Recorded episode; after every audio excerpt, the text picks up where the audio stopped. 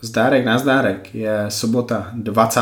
července jula 2019 a dnešní den je speciální. Zítra nastoupí k velké profi soutěži Milan Čárek, spolu s ním budou závodit v Portugalsku, ještě Slavoj Bednář a Lukáš Osladil. Je to jedna z největších soutěží v historii české open kulturistiky, protože dva čeští kulturisté bojují o to, aby se kvalifikovali na Olympii. Slavoj Bednář podle mě může skočit top 5 na tady té soutěži, na mezinárodní soutěži, kde je 18 závodníků a je to obrovská soutěž. A já jsem se rozhodl, že den před tady tou soutěží zveřejním jeden z nejlepších rozhovorů, jaké jsem kdy udělal. Je to rozhovor s ženou, s manželkou Milana Šátka, s Janou Šátkovou, já musím říct, že tady to je, je to první rozhovor, který já si poslechnu i po tom, co jsem ho editoval, protože vážně chci si to pustit do uší a nerušeně v klidu, bez přemýšlení, zavřít oči a poslouchat si to a Jana Šátková byla jedním z nejlepších hostů v Honza Cavalier podcast. Byla neuvěřitelně otevřená, to, o čem mi povídala, to, co mi říkala a o co se i s vámi podělila, to jsou, to jsou intimní informace ze života jejího a Milana. Je to vlastně taková spověď manželky profesionálního kulturisty eh, o tom, jaké to je, jaké je to přežít eh, nějakou první přípravu s tady tím kulturistou a že to pro Janu vůbec nebylo lehké.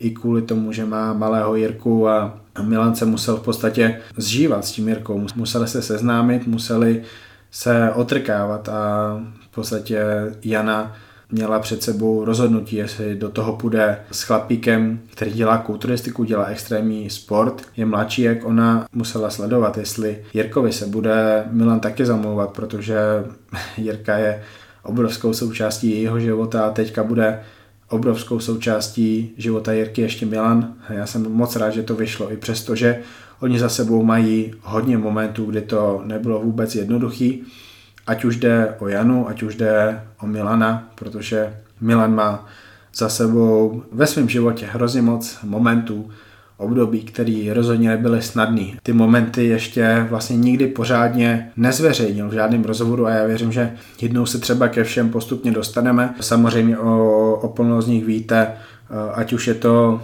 ta příprava na amatérskou olympii, která nebyla vůbec jednoduchá.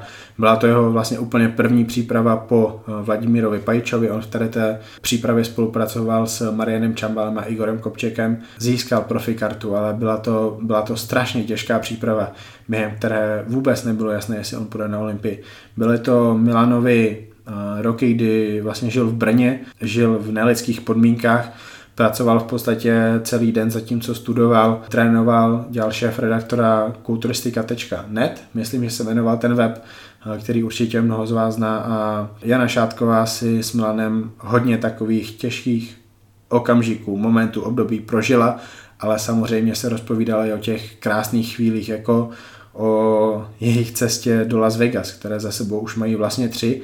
Já věřím, že letos čeká ještě jedna, pokud, jestli až se Milan kvalifikuje na tu letošní olympii.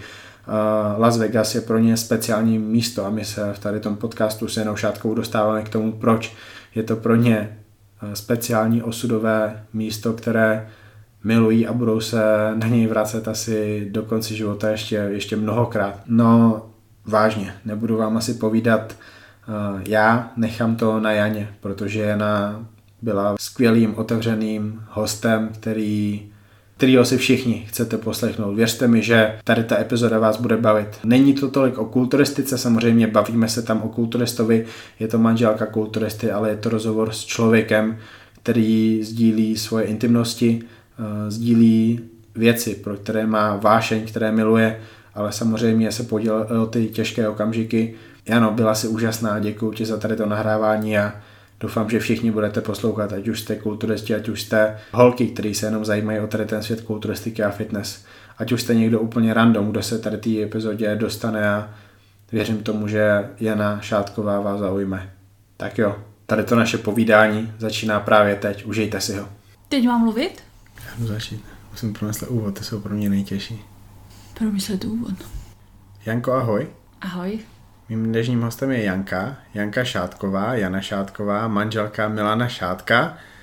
Proč ji mám v podcastu? Mám ji v podcastu kvůli tomu, že je to člověk, který se v tady tom sportu pohybuje hodně intenzivně, protože musí žít s kulturistou, který teďka patří mezi ty nejlepší kulturisty na světě, takže my dneska probereme, jaký to je, ale taky se dostaneme možná k věcem, který Milan ještě nikdy neříkal, protože Milan nemůže vyprávět tady ty historky z pohledu ženy.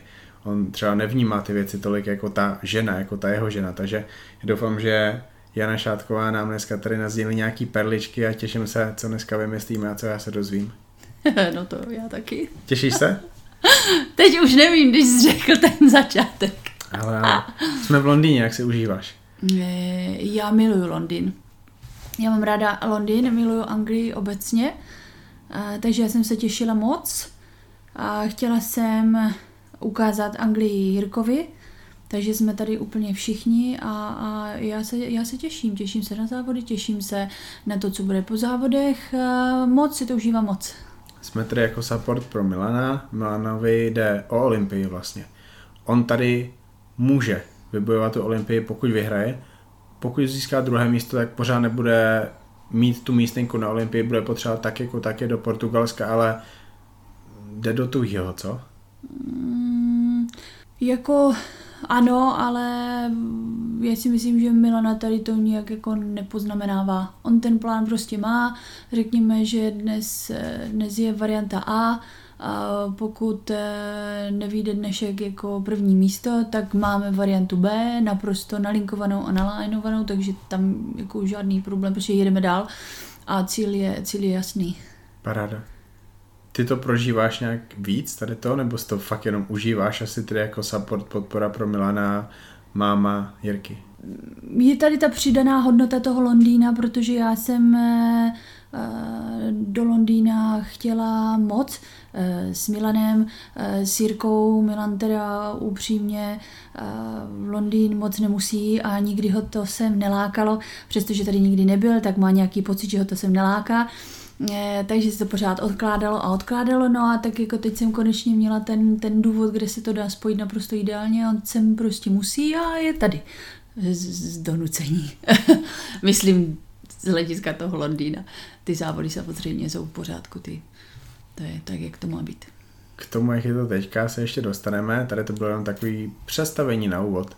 Ale mě by zajímalo, kdo je Jana Šátková z pohledu ženy. Kde se ty vyrostla? Bylo to ve Zlíně? Mm, Já jsem z Uherského hradiště. Takže Morava. Kousek, je to 30 km od Zlína. A mám o pět let mladší sestru. A vyrůstala jsem paradoxně v, v rodině, kde byla asi většina žen, takže kolem mě byly samé sestřenice a, a jo, ten, ten ženský element úplně výrazně, takže eh, já s těmi muži jsem to vždycky měla tak jako zvláštní a vím, že jsme si vždycky se sestrou dělali legraci, kdyby náhodou, nedej bože, jako jsme měli dítě a ono to byl jako kluk, tak co budeme dělat? a jsme, jsme jako žertovali, že ho v té porodnici vy, vyměníme. No a, a, a podívej, mám je Jiřího, že? A teď je, je ten můj svět výrazně mužský, bych řekla. Takže, a, ale já to beru jako, jako výzvu, protože asi to tak má být, protože si myslím, že to je vyrovnání nějaké a, toho, a, té nerovnováhy, kterou jsem měla do, do té doby, než ta mužská většina nastoupila. Určitě, a já o tobě vím a vidím to na tobě, že si to, co je teďka strašně moc užíváš. A k tomu se taky dostaneme. Jano, jaký byly tvoje první životní vášně? Co tě, co tě fakt bavilo dělat? Ať už třeba v pubertě, nebo někdy po střední škole. Já to byly úplně jiné věci, než, než teď, teda, se přiznám. Uh, jsem byla vždycky taková spíš jako uh, umělecky uh, založená, nebo umělecky, no takové, takové, ta, ta, řekněme, ta humanitní větev. Mě bavily mě jazyky, já jsem zpívala, chodila jsem do sboru, chodila jsem sedm let, jsem zpívala v uherskohradickém dětském pěveckém sboru, takže jsem projezdila eh, hromadu, hromadu míst. Sedm let je docela, docela dlouhá doba. A, a bylo to fajn a mně se to líbilo, ráda jsem malovala, protože moje máma je taková jako, řekněme, umělecky založená a všechno se to pohybovalo takhle jako příjemně, pak, pak jsem ten směr trošku změnil, tam zase byl vliv táty, takže pak když jsem šla, šla vlastně na střední, tak tak jsem šla na obchodní akademii, protože můj otec je zase finančník, takže se to tak jako různě prolnulo, přesunulo a... Bavilo tě to? Tady ten a v té době, když jsem to dělala, tak ano. Mm-hmm. I v podstatě na vysokou školu potom, když jsem vybírala, tak, tak nebo vybírala, tam nebylo extra co vybírat, já jsem přesně věděla, co. Takže to byla zase ekonomika, účetnictví a tady ty věci.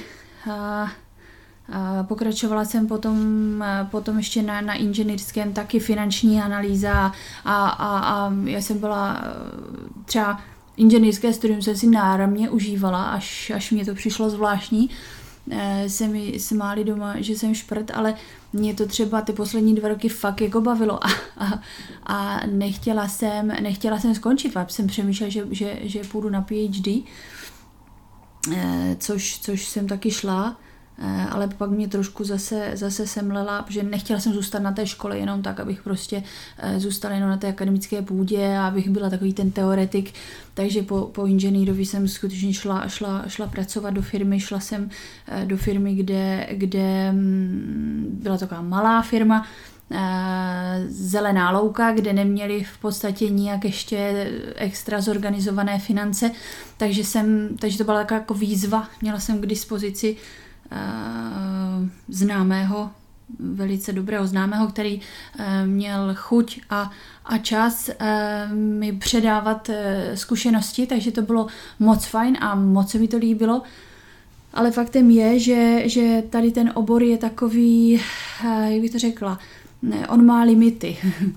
Takže potom jako celkem rychle to sklouzlo do toho prostě ráno do práce, eh, odpoledne z práce, stejné čísla, stejné věci, které se opakují, jo, finanční záměry na rok, na půl roku, na měsíc, eh, teď jsem to měla říct opačně, ale eh, jo, a pak vlastně jsem otěhotněla, což bylo takové příjemné vytržení z toho, z toho, z toho stereotypu. No a pak, když jsem řešila co vlastně, co vlastně potom, a, tak, tak přišla, přišla nabídka e, vybudovat fitko. Věc, co, co, e, co byla pro mě úplně nová, naprosto, e, ale byla to taky taková jako výzva. Měli jsme, nebo máme fitko s, s kamarádem kamarád s manželkou, ti měli přesně jasnou představu o tom, jak to bude, co bude. Oni se v tom skutečně pohybovali. My jsme zase měli tu druhou důležitou polovinu, která je k tomu eh, začátku důležitá. Takže to tak nějak začalo a, a já už jsem se potom k, té, k těm financím nikdy nevrátila. A zjistila jsem, že že mm, můžu ale zužitkovat z toho, z toho, co jsem vystudovala, zase úplně jinou část, kterou jsem, když jsem studovala, tak říkala, no nikdy, nikdy v životě nebudu dělat obchod a tady ty záležitosti a teď, teď přesně, hmm. přesně to dělám. E, no, řeším smlouvu členství a, a, a tady ty záležitosti a, a teď už teda nemám žádné lekce, ale měla jsem, eh, měla jsem asi tři, čtyři roky, jsem, jsem, jsem chodila race walker, což je v podstatě mm, alpining, jo, a, a tak jsem spojila jsem pohyb, spojila jsem v podstatě nějakou tu práci mm, a, a bylo to fajn a, a takhle mě to vyhovuje. Jsem mezi lidma, není to pořád stejné, protože lidi eh, jsou noví, když řeší stejné věci, ale, ale jo, je to také, je to také barevnější. To jsou to takové tři etapy. Ta první je to, co si všichni užíváme, to, kde nemáme povinnosti, to si byl, řekněme, umělec, to tě bavilo.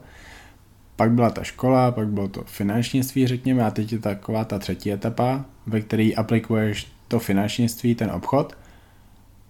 A ta část umělce tam není, chybí. Chybí tobě? A upřímně občas ano. Občas ano, protože bych chtěla, jak bych to řekla, ne, mám vytvářet? pocit, že potřebuju, ano, že potřebuji vytvářet, ale já jsem eh, tím, jak člověk je jako v tom zhonu, tak eh, jich potřeba nějak, nějak jako odblokovat. Abych, abych, chtěla bych, chtěla bych najít něco, co bych dokázala vytvářet jako fakt jako sama. Nechci nic kopírovat, protože já umím, když mi dáš nějaký, nějakou předlohu, který to namaluju, ale já z toho mám dobrý pocit, že to mhm. namaluju, ale na druhé straně ne, protože to není moje. Mm-hmm. A chtěla bych někdy, třeba v důchodu, se propracovat k tomu, eh, že, že bych fakt jako chtěla namalovat obraz eh, s svýma, eh, jo, podle, podle toho, co vidím já, nějakým svým, nějakým svým stylem, to, to by se mi líbilo. Já se k tomu vytváření ještě dostanu, až budeme mluvit o vašem krásném domečku ve Zlíně nebo u Zlína, protože tam podle mě je nějaký potenciál ve Zlíně, tvořit. Ve Zlíně, přímo. Přímo Ať ve Zlíně, se to nezdá. Ať se to nezdá. Dostaneme se k tomu. Ty jsi teda byla u prvopočátku Vitasana, tak se jmenuje uh-huh. to fitko, ano. klubové fitko. Ano. Jak eh, dlouho zpátky to je? 8 let, 9 let? Eh, v roce 2011 jsme otvírali 1. Aha. listopadu. A tam si poznala Milana? Ano, ano. V té době už byl Milan velký kulturista. No, to bylo v době v podstatě, kdy... Začínal s tou kulturistikou trošku vážně. On se v tu dobu připravoval na, na to mistrovství Evropy v Santa Suzaně.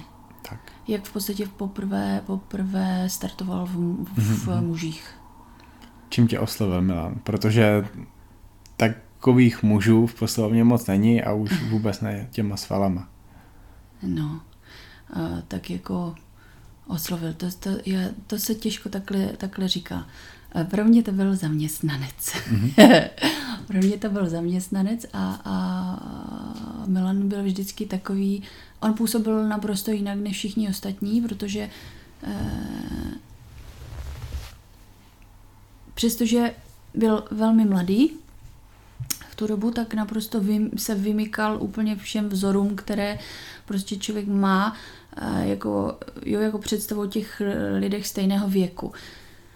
Takže on působil o několik, eh, nevím, deset let eh, starší už jenom tím, že jak, jak se choval, jak vystupoval, přestože on jako dokáže, dokáže dělat legraci, vtipkovat a, a vůbec to není jako nudný patron, aby to někdo špatně nepochopil. Zároveň si dokáže ale, hrát jako dítě. Přesně tak, ale, ale prostě to, co z něho vyzařuje, je taková jako klidná, pokorná síla. A to on tak má a má to tak celou dobu.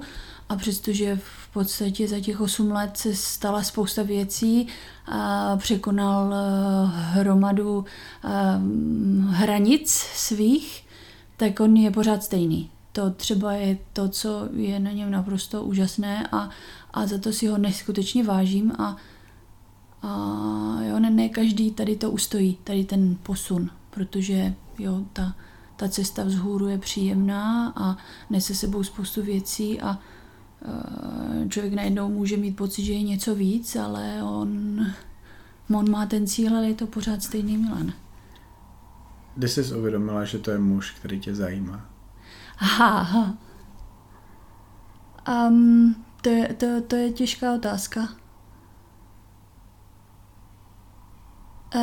V tu chvilku, kdy mě začalo přesvědčovat o tom, že já znamenám něco pro něho a já jsem v tu chvilku úplně nebyla na stejné vlně, takže to bylo také jako složité období a, a, a asi ve chvíli, kdy jsem e, já ho pustila a už to vypadalo hodně zle a tak jako v tom uvědomění, že jsem o něco přišla. Asi, asi tehdy ty začátky byly hodně těžký. Ano, velmi.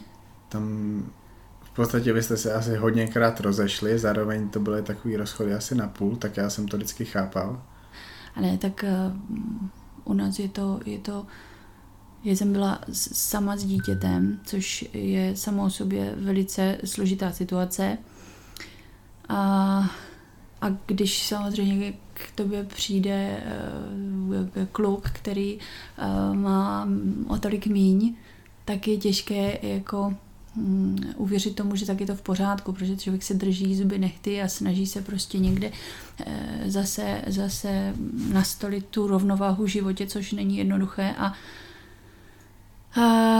z hlediska těch, těch konvencí rozhodně není, není prostě jednoduché si říct tak a je to o 12 let mladší kluk a já teď vlastně eh, dám život svůj i svého děcka eh, v šanc nějaké, nějakému dobrodružství a tak to bylo asi to, s čím jsem samozřejmě asi bojovala, bojovala nejvíc. No. No v té době už někdy bydlel v Praze, anebo byl pořád Ne, ne, on byl ve Zlíně. Mm-hmm. On byl ve Zlíně a v podstatě my když, jsme, my, když jsme otvírali klub, tak uh, on se přestěhoval čerstvě, nebo tuším, že možná kvůli nám se přestěhoval z Brna do Zlína. Mm-hmm. Nějakou, nějaký čas byl, uh, byl u rodičů velice krátce na, na přechodnou dobu a pak se přestěhoval do bytu a bydlel bydlel ve Zlíně a já teďka přemýšlím, kdy on do té Prahy odešel. To bylo, to bylo... Uh, 14 možná. No možná i 13. Možná i 13. Nejse, teď si fakt nejsem jistá, ale vím, to bylo v podstatě na poput jeho tehdejšího trenéra, eh, Vládi Pajíče, protože se tam otvíral eh, World's Gym mm-hmm. a on tam byl nějaký, nějakým způsobem zainteresovaný a Vím, že řešili, že ho to může samozřejmě posunout, že Praha, ano, jo, děje se tam všechno, kontakty jsou tam, prostě všechno je tam, takže jako z hlediska jeho kariéry e, bylo celku rozumné, že o tom přemýšleli a tak e, prostě jo, se tam, se tam přesunul. No a, a možná to bylo i 2013, 2013, mm-hmm. 14, fakt si asi jo, asi jo. Jak na tady to období vzpomínáš ty? Bylo to těžký? Tak bylo to zvláštní. Bylo to zvláštní, protože do té doby jsem byla zvyklá prostě ho vidět každý den v práci a, a, a najednou jako zmizel. No. My, jsme, my jsme, to jsme tady byli ještě nějaké staré, staré provozovně. Měli jsme kancelář se sklem, takže bylo přesně vidět jako do toho fitka a, a prostě jako bylo to fajn, že tak jsme tak na sebe mávali. No a, na, a najednou jo, tak ten výhled byl takový smutný, no, takže mhm. ne, nebylo to jednoduché, no, nehledě k tomu, že eh, to nebylo jednoduché ani, ani pro něho, protože v podstatě začínal znova mm-hmm. zase někde a tam ta situace potom eh, se ukázala ještě úplně špatně, takže ne, nebylo to moc veselé období, no. Ne. Mm-hmm. Kdy to začalo být fakt dobré? Kdy to bylo konečně takové, že vy jste začali být opravdu spolu a věděli jste, že spolu budete? No,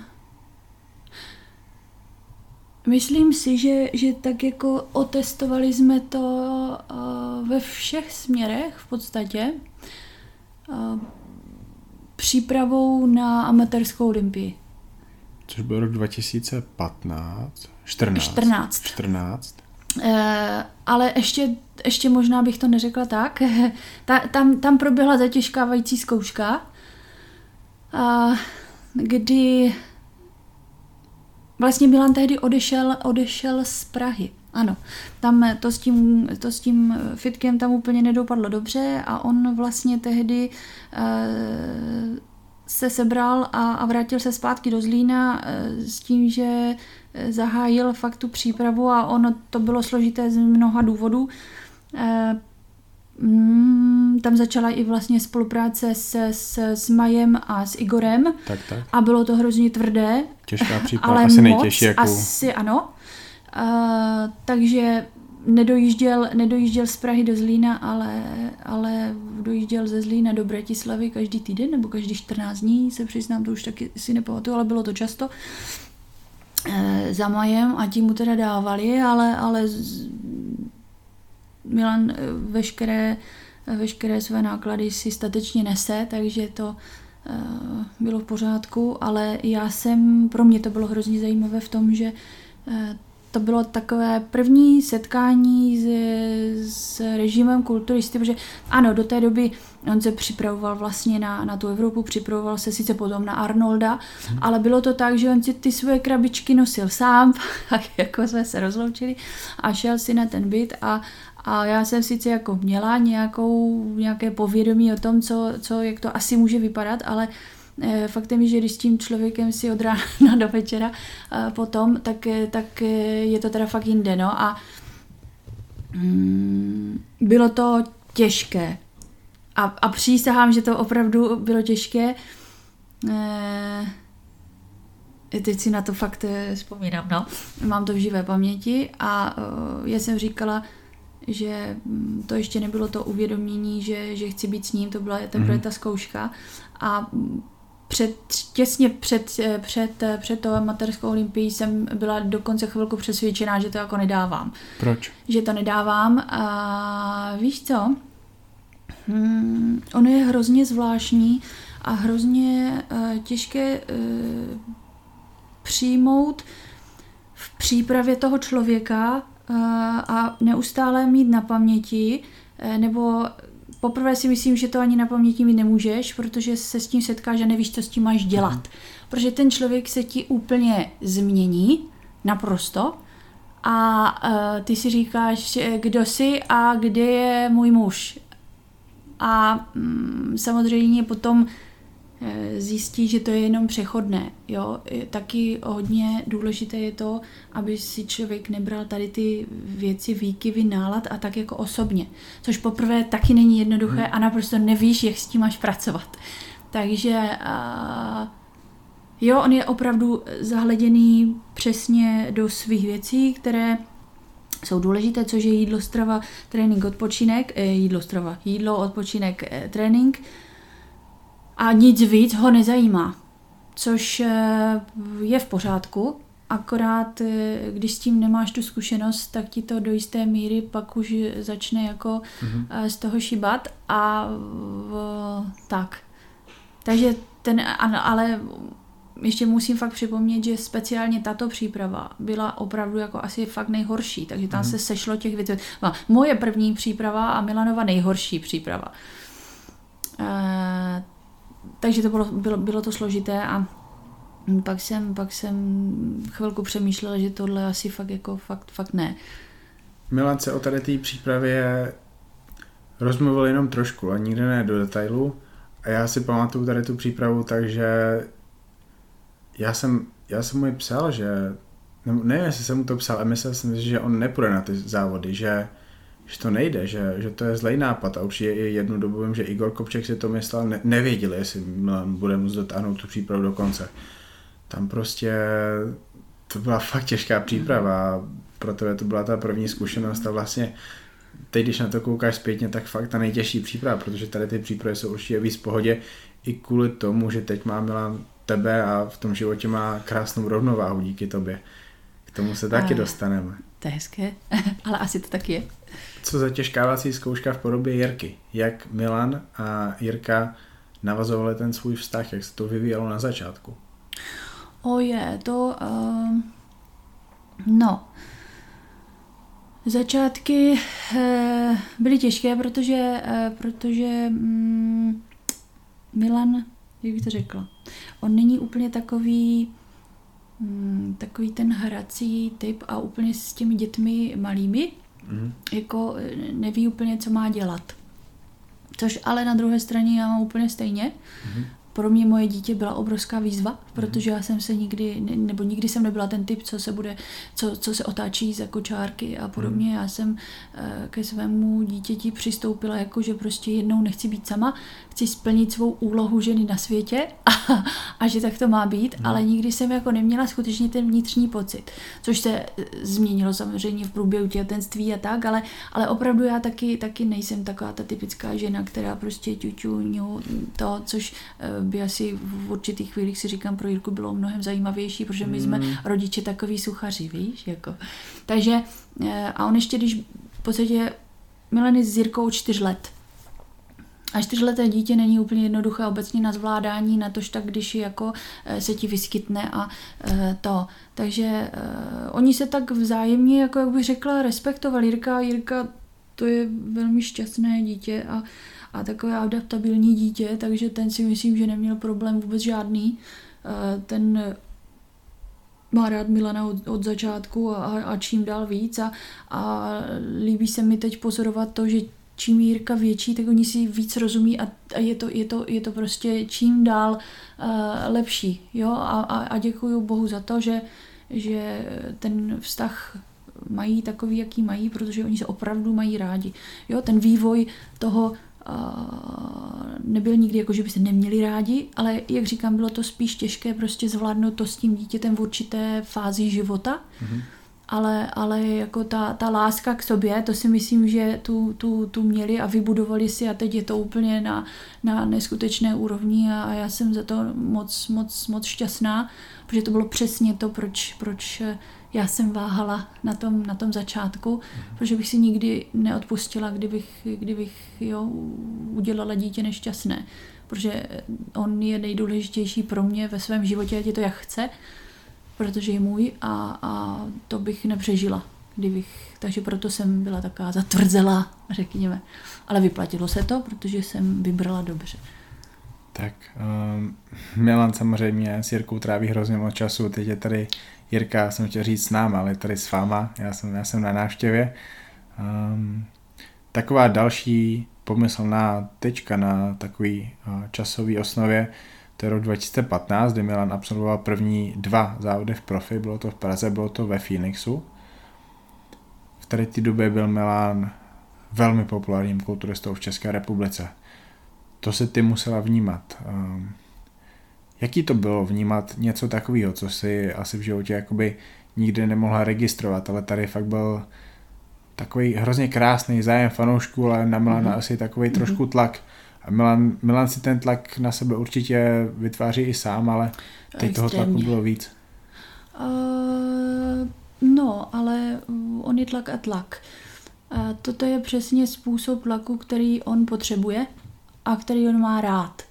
Jo, ano, on si, on eh, je neskutečně cílevědomý tvor, takže je na sebe e, neskutečně tvrdý a to, že, že si na sebe dává zbytečně příliš jako e, stresu, e, to je pravda, ale, ale, ale on zase rád má výzvy a, a on to do jisté míry prostě potřebuje, bez toho mm. nemůže fungovat. Takže on s tím umí moc dobře pracovat a on rád prostě eh, dokazuje sám sobě i ostatním, že prostě na to má a to, co řekne, eh, si splní a, mhm. a, a ne, to, to, to bylo moc pěkné období. Jaké bylo pro tebe? Mm, takové, takové objevné, jako eh, já jsem věděla, že on dokáže velké věci a to byla v podstatě takový, takový ten průlom toho, kdy ty velké věci se fakt začaly dít. A um, líbila se mi i ta nálada, uh, i ta nálada kolem něho. Ano, jak, jak říkáš, prostě uh, nikdy nezapomenu na to atmosféru, uh, atmosféru v Praze, když, když nastoupil prostě s, s Jose Raymondem, s Davidem Henrym a, a teď přišel ten Milan a celá ta hala prostě, ano, samozřejmě ti dva před, předtím taky měli velké jako ovace a tak, ale prostě přišel Milan a ta energie, to, to bylo úžasné, prostě lidi byli nadšení a, a, a, a bylo to fajn. Já jsem úplně viděla, jak, jak, jak on si to užívá. On prostě tady to, uh, on to miluje. No, to bylo fajn. Uh, to bylo fajn. Ale musím říct, že od té doby už se to nezopakovalo. Což mě hrozně mrzí třeba. Po pražském Evos byla Arizona, byl Phoenix a dokonce byl i výlet do Las Vegas. Hmm. Jak vzpomínáš na tady ten horký trip? No, tak uh byla jsi do té doby někde, kde bylo tak teplo? Uh, ne, byla v Egyptě, ale tak to je, to je nesrovnatelné z hlediska, to je takhle jedině teplotně. Ale chtěla jsem říct, že já jsem nebyla nikdy v Americe mm-hmm. do té doby. A uh, vlastně nevím proč, ale mě paradoxně Amerika nikdy nelákala. A já nevím proč. Jo, všichni jezdili do Ameriky a uh, vždycky se vrátili a byli úplně na větvi a a e, mě jako USA, jako Spojené státy, mě nikdy nelákaly. Já jsem byla do té doby v Kanadě a, a tam to bylo krásné, ale nevím, proč prostě státy mě nelákaly. Takže já jsem tam jela s tím, že nemám vůbec žádné očekávání, prostě jedu do Ameriky. No, ale, ale semlelo mě to evidentně jako každého, kdo prostě do té země zavítá, protože to je neuvěřitelné. Tam je tam je všechno tisíckrát jinak. Takže eh, to, to bylo zajímavé. No. Grand Canyon hmm, to předčilo naprosto veškeré očekávání. Říkám, no co, tak Grand Canyon to bude nějaká prostě tam díra, no, údolí, dobře. Pak jsme přijeli, rozprostře se to a nemáš slov, že no to asi znáš. Mhm. Byl to první rok, co jsi byla ve Vegas a pak se ve Vegas byla další dva roky. Jak moc tě poprvé to Las Vegas zaujalo? Ale úplně, úplně, úplně moc. Mhm. Proč? Uh, ta atmosféra toho města je zvláštní. Já první, co si uvědomuju, je to zvláštní teplo, kdy je to je to teplé a suché teplo, že ti není nepříjemně, je hrozně teplo, ale, ale zároveň prostě tam tak vane ten větřík a, a prostě ta vůně nevím čeho, prostě směsice toho, toho města a, a my jsme tam přijeli, my jsme tam jeli vlastně, my jsme tam jeli autem tehdy eh, z toho Phoenixu, zastavovali jsme se v Grand Canyonu a pak jsme na eh, večer, to už bylo nějak kolem 11. hodiny, si jížděli prostě k tomu Vegas a to byl zážitek. Prostě světla na široko, daleko, pak jsme, pak jsme věli dovnitř, no, no, bylo to nezapomenutelné. Eh, ono ještě v centru hraje ta hudba vlastně, mm. oni, oni tam mají ty reproduktory, takže a já jsem, já jsem hudební tvor moc, takže tak jako náladově se to úplně, úplně potkalo a já, já, já vím, že, se, že jsem jenom stála a dívala se, se na to kolo takhle nahoru a, a Mila říká, tak pojď, kde jsi? A, a já jsem stála a nemohla se se hnout, protože si říkám, ty prťo. A jako, ano, na ten, na ten pocit nikdy nezapomenu. A to město jsem si zamilovala, ačkoliv jsem uh, nechápala, co by tam mohlo být zajímavého, protože hazard mi nikdy nic neříkal. Do kasína by mě asi nikdy nenapadlo jít, ale, ale to je tak strašně divné a že to úžasné. Tak. Tak, tady to město si fakt zamilovala, o čem svědčí i ten další rok. Eh, pro Milana velice zvláštní rok. Způsobil si tu kýlu, musel na operaci mm. a musel vynechat rok, který měl být pro něj strašně velikým rokem ale vynahradil si to. Vynahradili jste si to oba, protože jeli jste hmm. tehdy i s Jirkou. Ano, ano. Do Las Vegas. Mm-hmm. A ještě na Floridu mm-hmm. potom. Co se tam dělo v té Americe?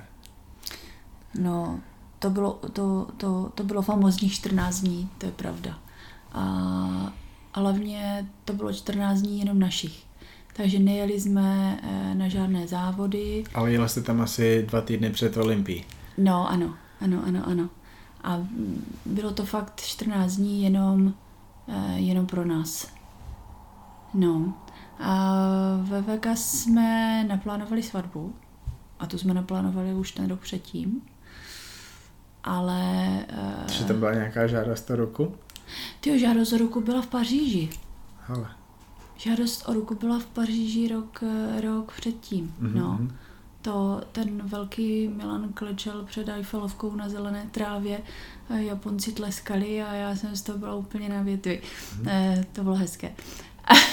Takže eh, po těchto eh, naprosto originálních a nečekaných, nečekaných zásnubách jsme měli naprosto nečekanou svatbu někde, kde bych si to dřív asi nebyla vůbec byla schopná představit, ale bylo to fajn.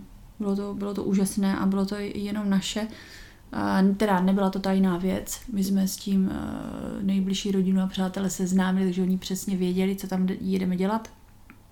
Měli možnost dokonce to sledovat online, to jsou dneska věci. A, a celý ten den svatební, když se k tomu mám vrátit, byl, byl eh, jako úplně na pohodu. My, pokaždé, co na to vzpomínám, je to, je to úžasné, protože všechno bylo tak, jak jsme chtěli. Nic nás netlačilo, a na svadební hostinu jsme byli v TGI a Jirka projevil zájem, že on chce do McDonaldu, tak říkám Jiří, tak neblázni, že?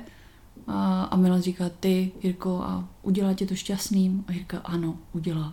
Tak jsme jeli na drive, koupili jsme mu dva cheeseburgery. My jsme jeli do toho TGI teda potom. Co je TGI? A TGI Fridays. Aha. A to je restaurace se stejky, jsou tam moc, je i v Praze, to je taková síť po celém Mhm. světě. To je. A měli jsme steak s pečenou bramborou a pak jsme šli na nohy. Takže jako úplně dokonalý den. Šli jste do toho klubového fitka, kde jsou ty kulatý jednoručky. City, eh, City Athletic Club, ano. Milana oblíbený To fitko. je, to je úžasné fitko. Jak ty jako člověk, manažer fitka, Mhm. se díváš na tady to fitko? Uh, no, to je něco. To, ale to je tak něco jiného. Uh, To nejde udělat v Česku. to nejde udělat, ano. Teď jsem jako přemýšlet to, tady by se to asi úplně nevím. Možná v, ale tak možná v Praze by to snad šlo, ale nejsem si tím úplně jistá, ono je obrovské. Ta atmosféra je jak v nočním klubu. A, tam asi nejvíc dělá ta atmosféra ten prostor prostě. Jo, a je, a je to, ale, ale to je dáno i tím, že prostě Vegas je meka uh, úplně zvláštních lidí, uh, i tady v tomto oboru, takže, takže mm, tam se lidi sjíždí, je to kultovní místo a, a je to úžasné a každý rok eh, se tam rádi vracíme a nedovedu si představit, že bychom byli tam někde jin, jako, že bychom cvičili mm. někde jinde než tam, no. Po svatbě jste jeli za Flexem na Floridu. Mhm. Boca Raton se to jmenuje, nebo on bydlí? For, Fort A Lauderdale? já si myslím, že on bydlí v... Přemýšlím Boca Raton, ale on bydlí asi v Boca Ratonu. Mhm. A on tam má, je, je, je víc dopředu, no. a on tam má svoje parádní fitko, soukromý Mm. fitko Mm. a Dragon, Dragon's Lair. Dragon Slayer. Co tady ten zážitek? A co ten trénink Milana s Flexem, který měl před Olympií? Jaký to bylo? A bylo to drsné. Testosteron stříkal úplně všude a, a, a bylo to náročné, ale Milan naprosto jenom nesekundoval. To on zase jako když už má nějakou takovou příležitost, tak to uh, se snaží zužitkovat úplně maximálně a uh, ne, byl, byl, to, byl to fajn zážitek, nejenom, že, že, že teda cvičili, ale, ale věnoval nám hromadu času, povídali jsme si a, a, a Flex je moc zajímavý, příjemný a velmi Milanový podobný člověk eh, tím naturalem. Škoda, že nemá víc času. A bohužel, bohužel. Ale bylo to fajn moc, moc. To fitko je zvláštní, eh, není přístupné veřejnosti a, a prostě eh, v, každém rožku vidíš to, že je to prostě osobní. Že přesně každá věc má svoje místo, eh, promyšlené a, a jo, je to jeho. Je to jeho a je to cítit. A on je na to patřičně hrdý. Má tam svoje stroje, je to No. jeho, užívá si Mm. to, baví ho to. Přesně tak. A je to člověk, který se snad narodil proto, aby byl ambasadorem kulturistiky. Aha. A myslím si, že kdyby všichni a, tak takhle by měl vypadat kulturista. To je pan kulturista.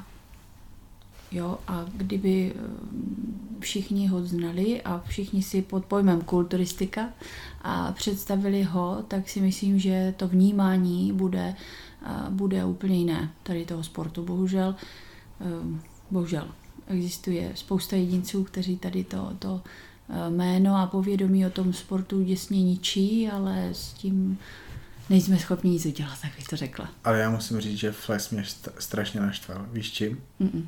Včera byl v Londýně. Byl, ano. Mě to, Teď říkal, Řecku. mě to říkal Milan a říkal, super, bude tam flex, No. a, ale on asi jenom přestupoval, no.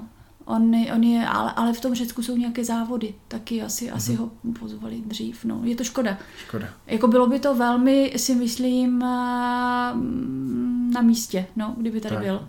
British Grand No. Prix, Flex Lewis, No. nejlepší britský kulturista poslední dekády. Škoda. Nevím, proč se jim to nepovedlo, no. Škoda. To jo. Další rok, velký rok, 2017, to je, No, to je kulturistická bomba. Milan jel do Ameriky závodit ve 212 potom, co musel vynechat ten rok, Mhm. kdy měl začínat v Open. Neměl čas na to připravit se do Open, neměl čas nabrat ty svaly, tak si řekl, že jdu 212, zkusím se dostat na Olympii a jemu se to povedlo na té první soutěži, vyhrál profi soutěž v, v úžasné formě. Mhm. Vyhrál Charlotte Pro, ty jsi u toho byla, Mhm. jaký to bylo? Hmm. A pro mě to bylo velice dojemné, ten závěr, ale uh, paradoxně já jsem věděla, že tak bude. Uh, protože uh, Milan řekl, že to tak bude.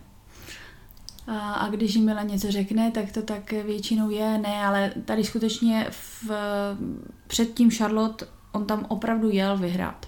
On věděl, že vyhraje a asi tak přesvědčeného jsem ho do té doby nikdy neviděla. Takže tam nezbývalo mu než věřit, protože to, to prostě nemohlo. Já si nedovedu představit, že by to do, dopadlo jinak. Takže já jsem to očekávala, ale přesto, přesto že, že, že to bylo jasné, tak Eh, tak mě to stejně naprosto rozbouralo, protože uh, vidět ho tam, vidět ho na, na tom pódiu uh, s tím legračním panáčkem, uh, který se na Evropě dostává za, za první místo. Mm, on byl z něho úplně tryskalá ta, uh, ta radost. Jediný moment, takový to takový legrační moment, který uh, na to mám vrytý v paměti, je jak uh, Bob Ciccarello s ním dělal nerozhovor, protože on mu předal tu mhm. cenu a e, teď pomalu už všichni jako odcházeli a Milan tam furt stál a furt mluvil. Mm-hmm. Takže na to pody už nebyl vůbec nikdo.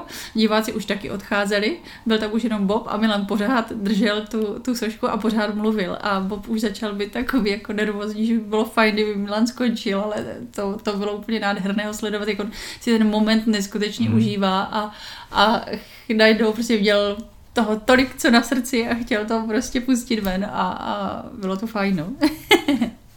to vidím jak dnes.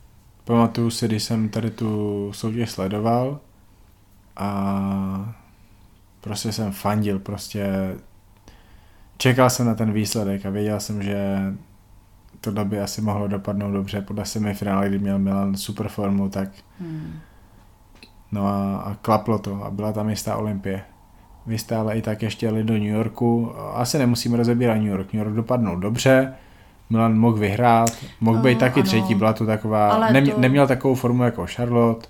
Nebyl tam, tak vysekaný. Tak, byli tam jiní závodníci. No, cílem a... bylo, ono je vždycky jako potřeba uh, zacílit uh, tu formu na potřeby té které show. Hmm. Takže ten cíl, jako, který jsme měli, jsme splnili, protože on potřeboval být větší. Hmm. Charlotte byl náramně jako eh, vysekaný, vyštípaný úplně na prach. To byla jedna z nejdokonalejších forem z mhm. mého pohledu jako z hlediska toho, toho odvodnění a mhm. všeho a, a hloubky. Prostě to byl jak břitva. Mm-hmm. Ale v New Yorku jsme chtěli být větší, protože, protože tam s náma jel, eh, jel Ronnie Rockel. Rokl, ano, a ten byl trošku, trošku jako větší a i tam očekávali větší borci, takže jsme chtěli, aby byl větší, což byl, ale samozřejmě zase nemůže být týden, z týdne na týden větší bez toho, aniž by eh, jo, neměl na sobě trošku, trošku víc body. Hmm. Takže tak. Ronnie je borec, Ronnie byl šestý na Olympii v Open. Hmm. To, je, to je strašně dobrý kulturista. Teď už asi bohužel ukončil kariéru, protože myslím, jestli utrhnul dvě kolena, něco takového. Měl váž, vážný zranění, dvě, možná dva kvadricepsy oba.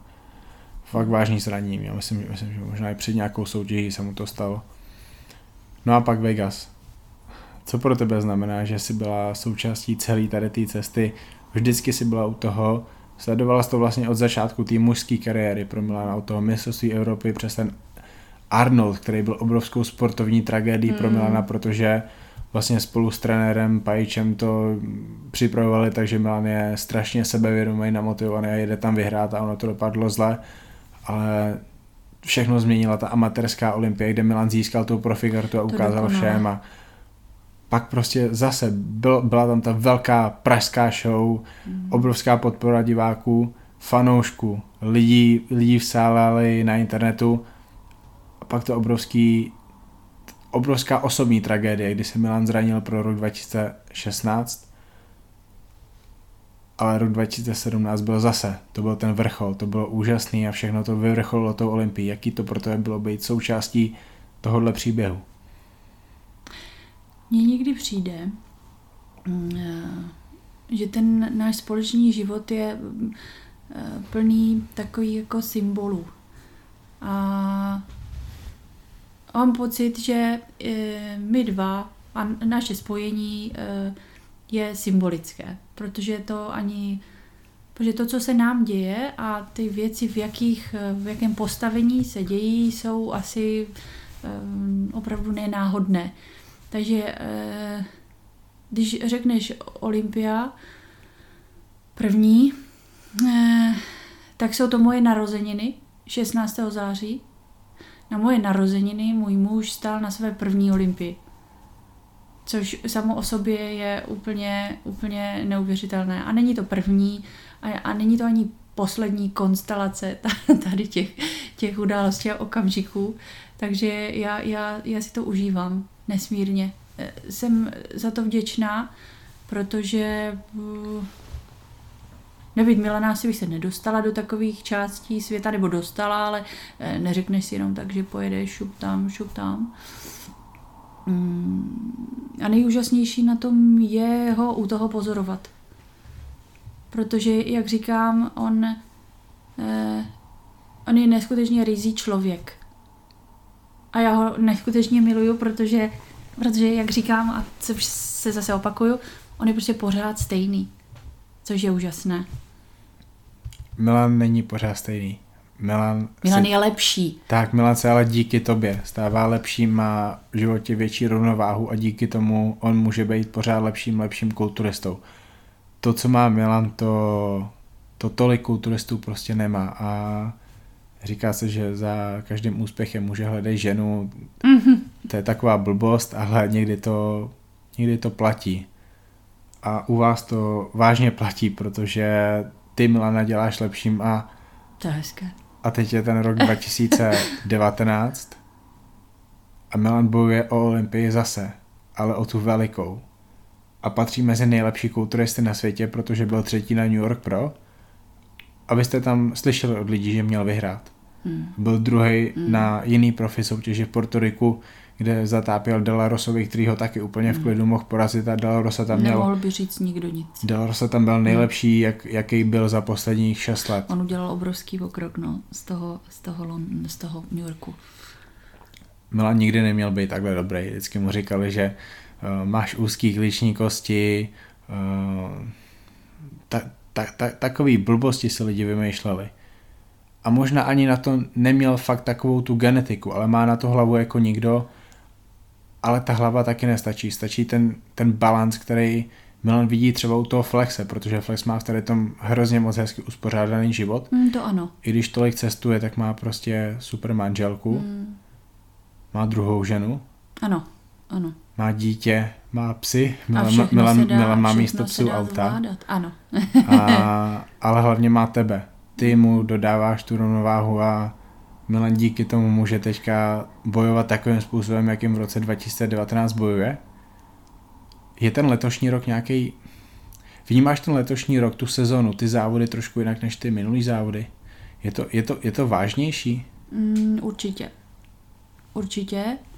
Uh, ono je to zvláštní, když uh, už ta první olympie byla zvláštní tím, že prostě si na Olympii, tak je, je to člověk úplně rozechvělý a, a jako naprosto si plně uvědomuje sílu okamžiku, kdy jako víš, že prostě tady je jenom hrstka a, a je to sen nevím tisíců prostě kluků, kteří cvičí a nikdy se tam nedostanou z mnoha důvodů. A prostě mu se to podařilo a ta 212 teď možná řeknu něco, co bych asi neměla říkat. Eh, já jsem se vždycky zlobila, když v podstatě máš 212, máš open a, a ta 212 je pořád taková, jako jak kdyby trošku jako ve stínu. Trošku ve stínu a vždycky mi bylo líto, že, že, že je to tak, protože jako ti lidi proto dělají stejné věci, jenom jsou prostě uh, jo, o, o 10-20 uh, kilo lehčí, ale za to oni nemůžou, že? A ten závod 212 býval několik let za sebou mnohem napínavější, no. mnohem kvalitnější, protože ano. všichni byli ve formě, to přesně se Open tak, říct nedalo. Tak. Ale faktem je, že když, když přestoupíš asi uh, si v Open, tak si naplno uvědomí, že, že, že jsi opravdu tam, uh, kde že je to opravdu ta špička. Jo? Prostě teď si tam, co jsi říkal Ježíši, tak to je neuvěřitelné. Jako je, je to přece jenom součástí toho je mistr Olympia, že? Ten mistr Olympia, ne 212, ten celkový, ten, hmm. když ten, který, který vychází z podpodia a, a letí tam kouř a podobně, jo, to, no, je to, je to vážné, je to velmi vážné a třetí na New Yorku loni, když předstoupil do, do Open, a když jsem viděla v zákulisí ty, ty, ty borce, ty velké borce, tak si říkám, jaj, no, tak eh, nevím, no. A upřímně asi poprvé za celou dobu jsem měla strach. Jsem měla strach, že, že jako špatně dopadneme. A ne proto, že bych nevěřila jako Milanovi, ale protože když vidíš jako v, v ty giganty, tak si říkáš, tyjo, tak to je, to není možné, to je jako jeden dom. Jenomže pak nastoupí ta originalita mého muže, on je totiž zázračný, kdy prostě on na to pódium vystoupí a, a, a smázne borce o 30 kg těžší. A najednou prostě si řekne, Žíš Maria. jo, ale je to tak, takže eh, v tu chvilku eh, jsem pochopila, že ne, že všechno je v pořádku, No a, a letos, letos když, když byl prostě na tom New Yorku třetí, tak to, to je neskutečné. A ještě to má jednu věc, kterou e, si myslím, že, e, že do jisté míry si myslím Milan změnil nebo pomohl změnit a to je, to je vnímání těch e, vnímání rozhodčích že mhm. najednou oni jsou schopní prostě upřednostnit kluka, co je menší, hmm. ale je jednoznačně prostě jasné, že je mnohem víc připravený, že je mnohem prostě líp poskládaný. Je hezčí, a je, lepší je o tom prostě pro mě jako podstata kulturistiky je přece o těle. A já si vždycky při, představím tu Fibonacciho figurínu od Leonarda da Vinciho, takovou tu, takového toho pána v tom kruhu. Mm-hmm. Takhle. Víš, to, to dokonalé prostě ty poměry a takhle by to mělo být. Jo, a Milan tohle všechno má. Ano. Jo, a dokáže prostě tu formu udělat, udělat e, neskutečnou a prostě pak ho nemůžeš zaříznout. A to se mi líbí, protože oni opravdu jo, pochopili, že o tom to je a tak to má být. A že ten směr, ten trend se díky němu, já si troufám říct, že to tak je, se díky němu posunul jako za mě tím správným směrem. Takže tak asi vnímám naše, naše výsledky Open. Já na některých soutěžích taky vnímám tady ty změny. Já jsem no. za ně strašně moc rád, protože já jsem to těch pět, šest, sedm let, co jsem si prostě myslel, že tomu rozumím, tak jsem tady to nechápal, že proč se to nedělí. Mm tak když to má vidíš, být, to, to dává smysl a vidíš to tam. Když a... vidíš Big Remyho, teď eh, nechci snižovat jeho úsilí a cokoliv, ale prostě je to horda masa naprosto eh, bez ladu a skladu je prostě jenom velký, ale o tom to přece není být jenom tak. velký. To musí mít daleko větší smysl, kdyby to bylo jenom o velikosti, tak je ten eh, sport plitký a přízemní. Mm-hmm. Hmm. A teďka ta doba se mění, ale jedna věc je říct, že se to mění a pak stačí jedna soutěž a ta, ta to může zase dát všechno zpátky. Uh, no. Zažili jsme to tolikrát. Um, Tady ty okamžiky jsou těžké, ano. Ale, ale, ale i člověk se musí naučit pracovat s tím, že, že ten sport není objektivní a nikdy nebude a e, i když hold někdy není ten výsledek takový, jaký by člověk očekával, ba, ba co tím by si i zasloužil, e, tak je to třeba vzít eh, tak, jak to je, e, s tím, že ti, co tam stáli před tebou x let předtím, si tady to prošli úplně stejně a, a pokud prostě ten potenciál máš, a pokud máš to nastavení, ten mindset v pořádku, tak to, tak to prostě dopadne a to místo tam máš, jenom, jenom prostě ta, ta, nikdy to není tak, že luskneš a, a je to tam. Jedna věc, co se mi strašně moc líbí na partnerech, partnerkách, manželkách, přítelkyních kulturistů, kteří jsou ve formě a ty přítelkyně jezdí podporovat na závody, je, že oni se po nějaký době hodně dobře naučí vnímat to tělo, jestli je ta forma dobrá a proč je dobrá, proč není dobrá, co to může ubrat, co to může zase zlepšit, jak to vypadá, jestli tam fakt ten tuk je nebo není. Ty jsi tady šahala Milanovi na to rozdělení hamstringu a se zadkem a prostě víš, víš kam se podívat. Hmm. Kde se tady to naučila a, a jak se to naučila? Protože už to umíš. Te... Já jsem se to, myslím, naučila. Já si myslím, že uh, já mám výhodu, uh, výhodu tu, že já mám estetické vnímání. Takže uh, mám dobrý základ, si myslím, pro to, uh, prostě posoudit. Já, já ze začátku to bylo tak, že jsem se na ty lidi podívala, nebo na ty lidi, na závodníky jsem se podívala a no, říká, co na něho říkáš? A já jsem se podívala, nevěděla jsem o tom do té doby nic, ale čistě z lajského hlediska říkám, mám malé ruce, má krátké lítka a to. A on, aha, ukáž, no, no fakt.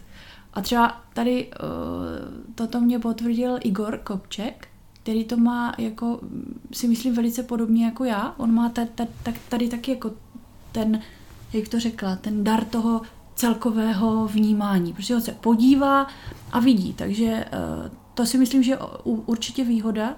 A pak samozřejmě časem jsem se propracovala, uh, propracovala k tomu, co to je takhle. Nejdřív to byla ta figura, ta kompozice. A postupně časem jsem jako zjistila, co to je jako hloubka, separace a tady ty ostatní věci. A, a, ale je to o tom, že já se opravdu podívám a vidím. Jo, teď už tam vidím ty drobné niance, to, to ano. Teďka tě vyzkouším, co to jsou plný svaly? No, plné svaly jsou uh, plné nacukrované pěkně hmm. svaly. A co to je, když je kulturista plochý? No to znamená, že vyčerpal glykogen a svaly jsou prázdné. Nejsou vidět, ztrácej se. Ano. Super. Tak jo, já ti děkuju za tady to skoro hodinku dlouhé nahrávání, Uteklo. moc jsem to užil. Uteklo já taky, to. Já taky. Jakože asi mi takhle hodina nikdy neutekla. Hrozně krásně rozpráváš. A to je pěkné, děkuji, děkuji. Tak jo, děkuju. Doufám, že i Milanovi se tady to bude dobře poslouchat a úplně každému, kdo si tady tu epizodu pustí.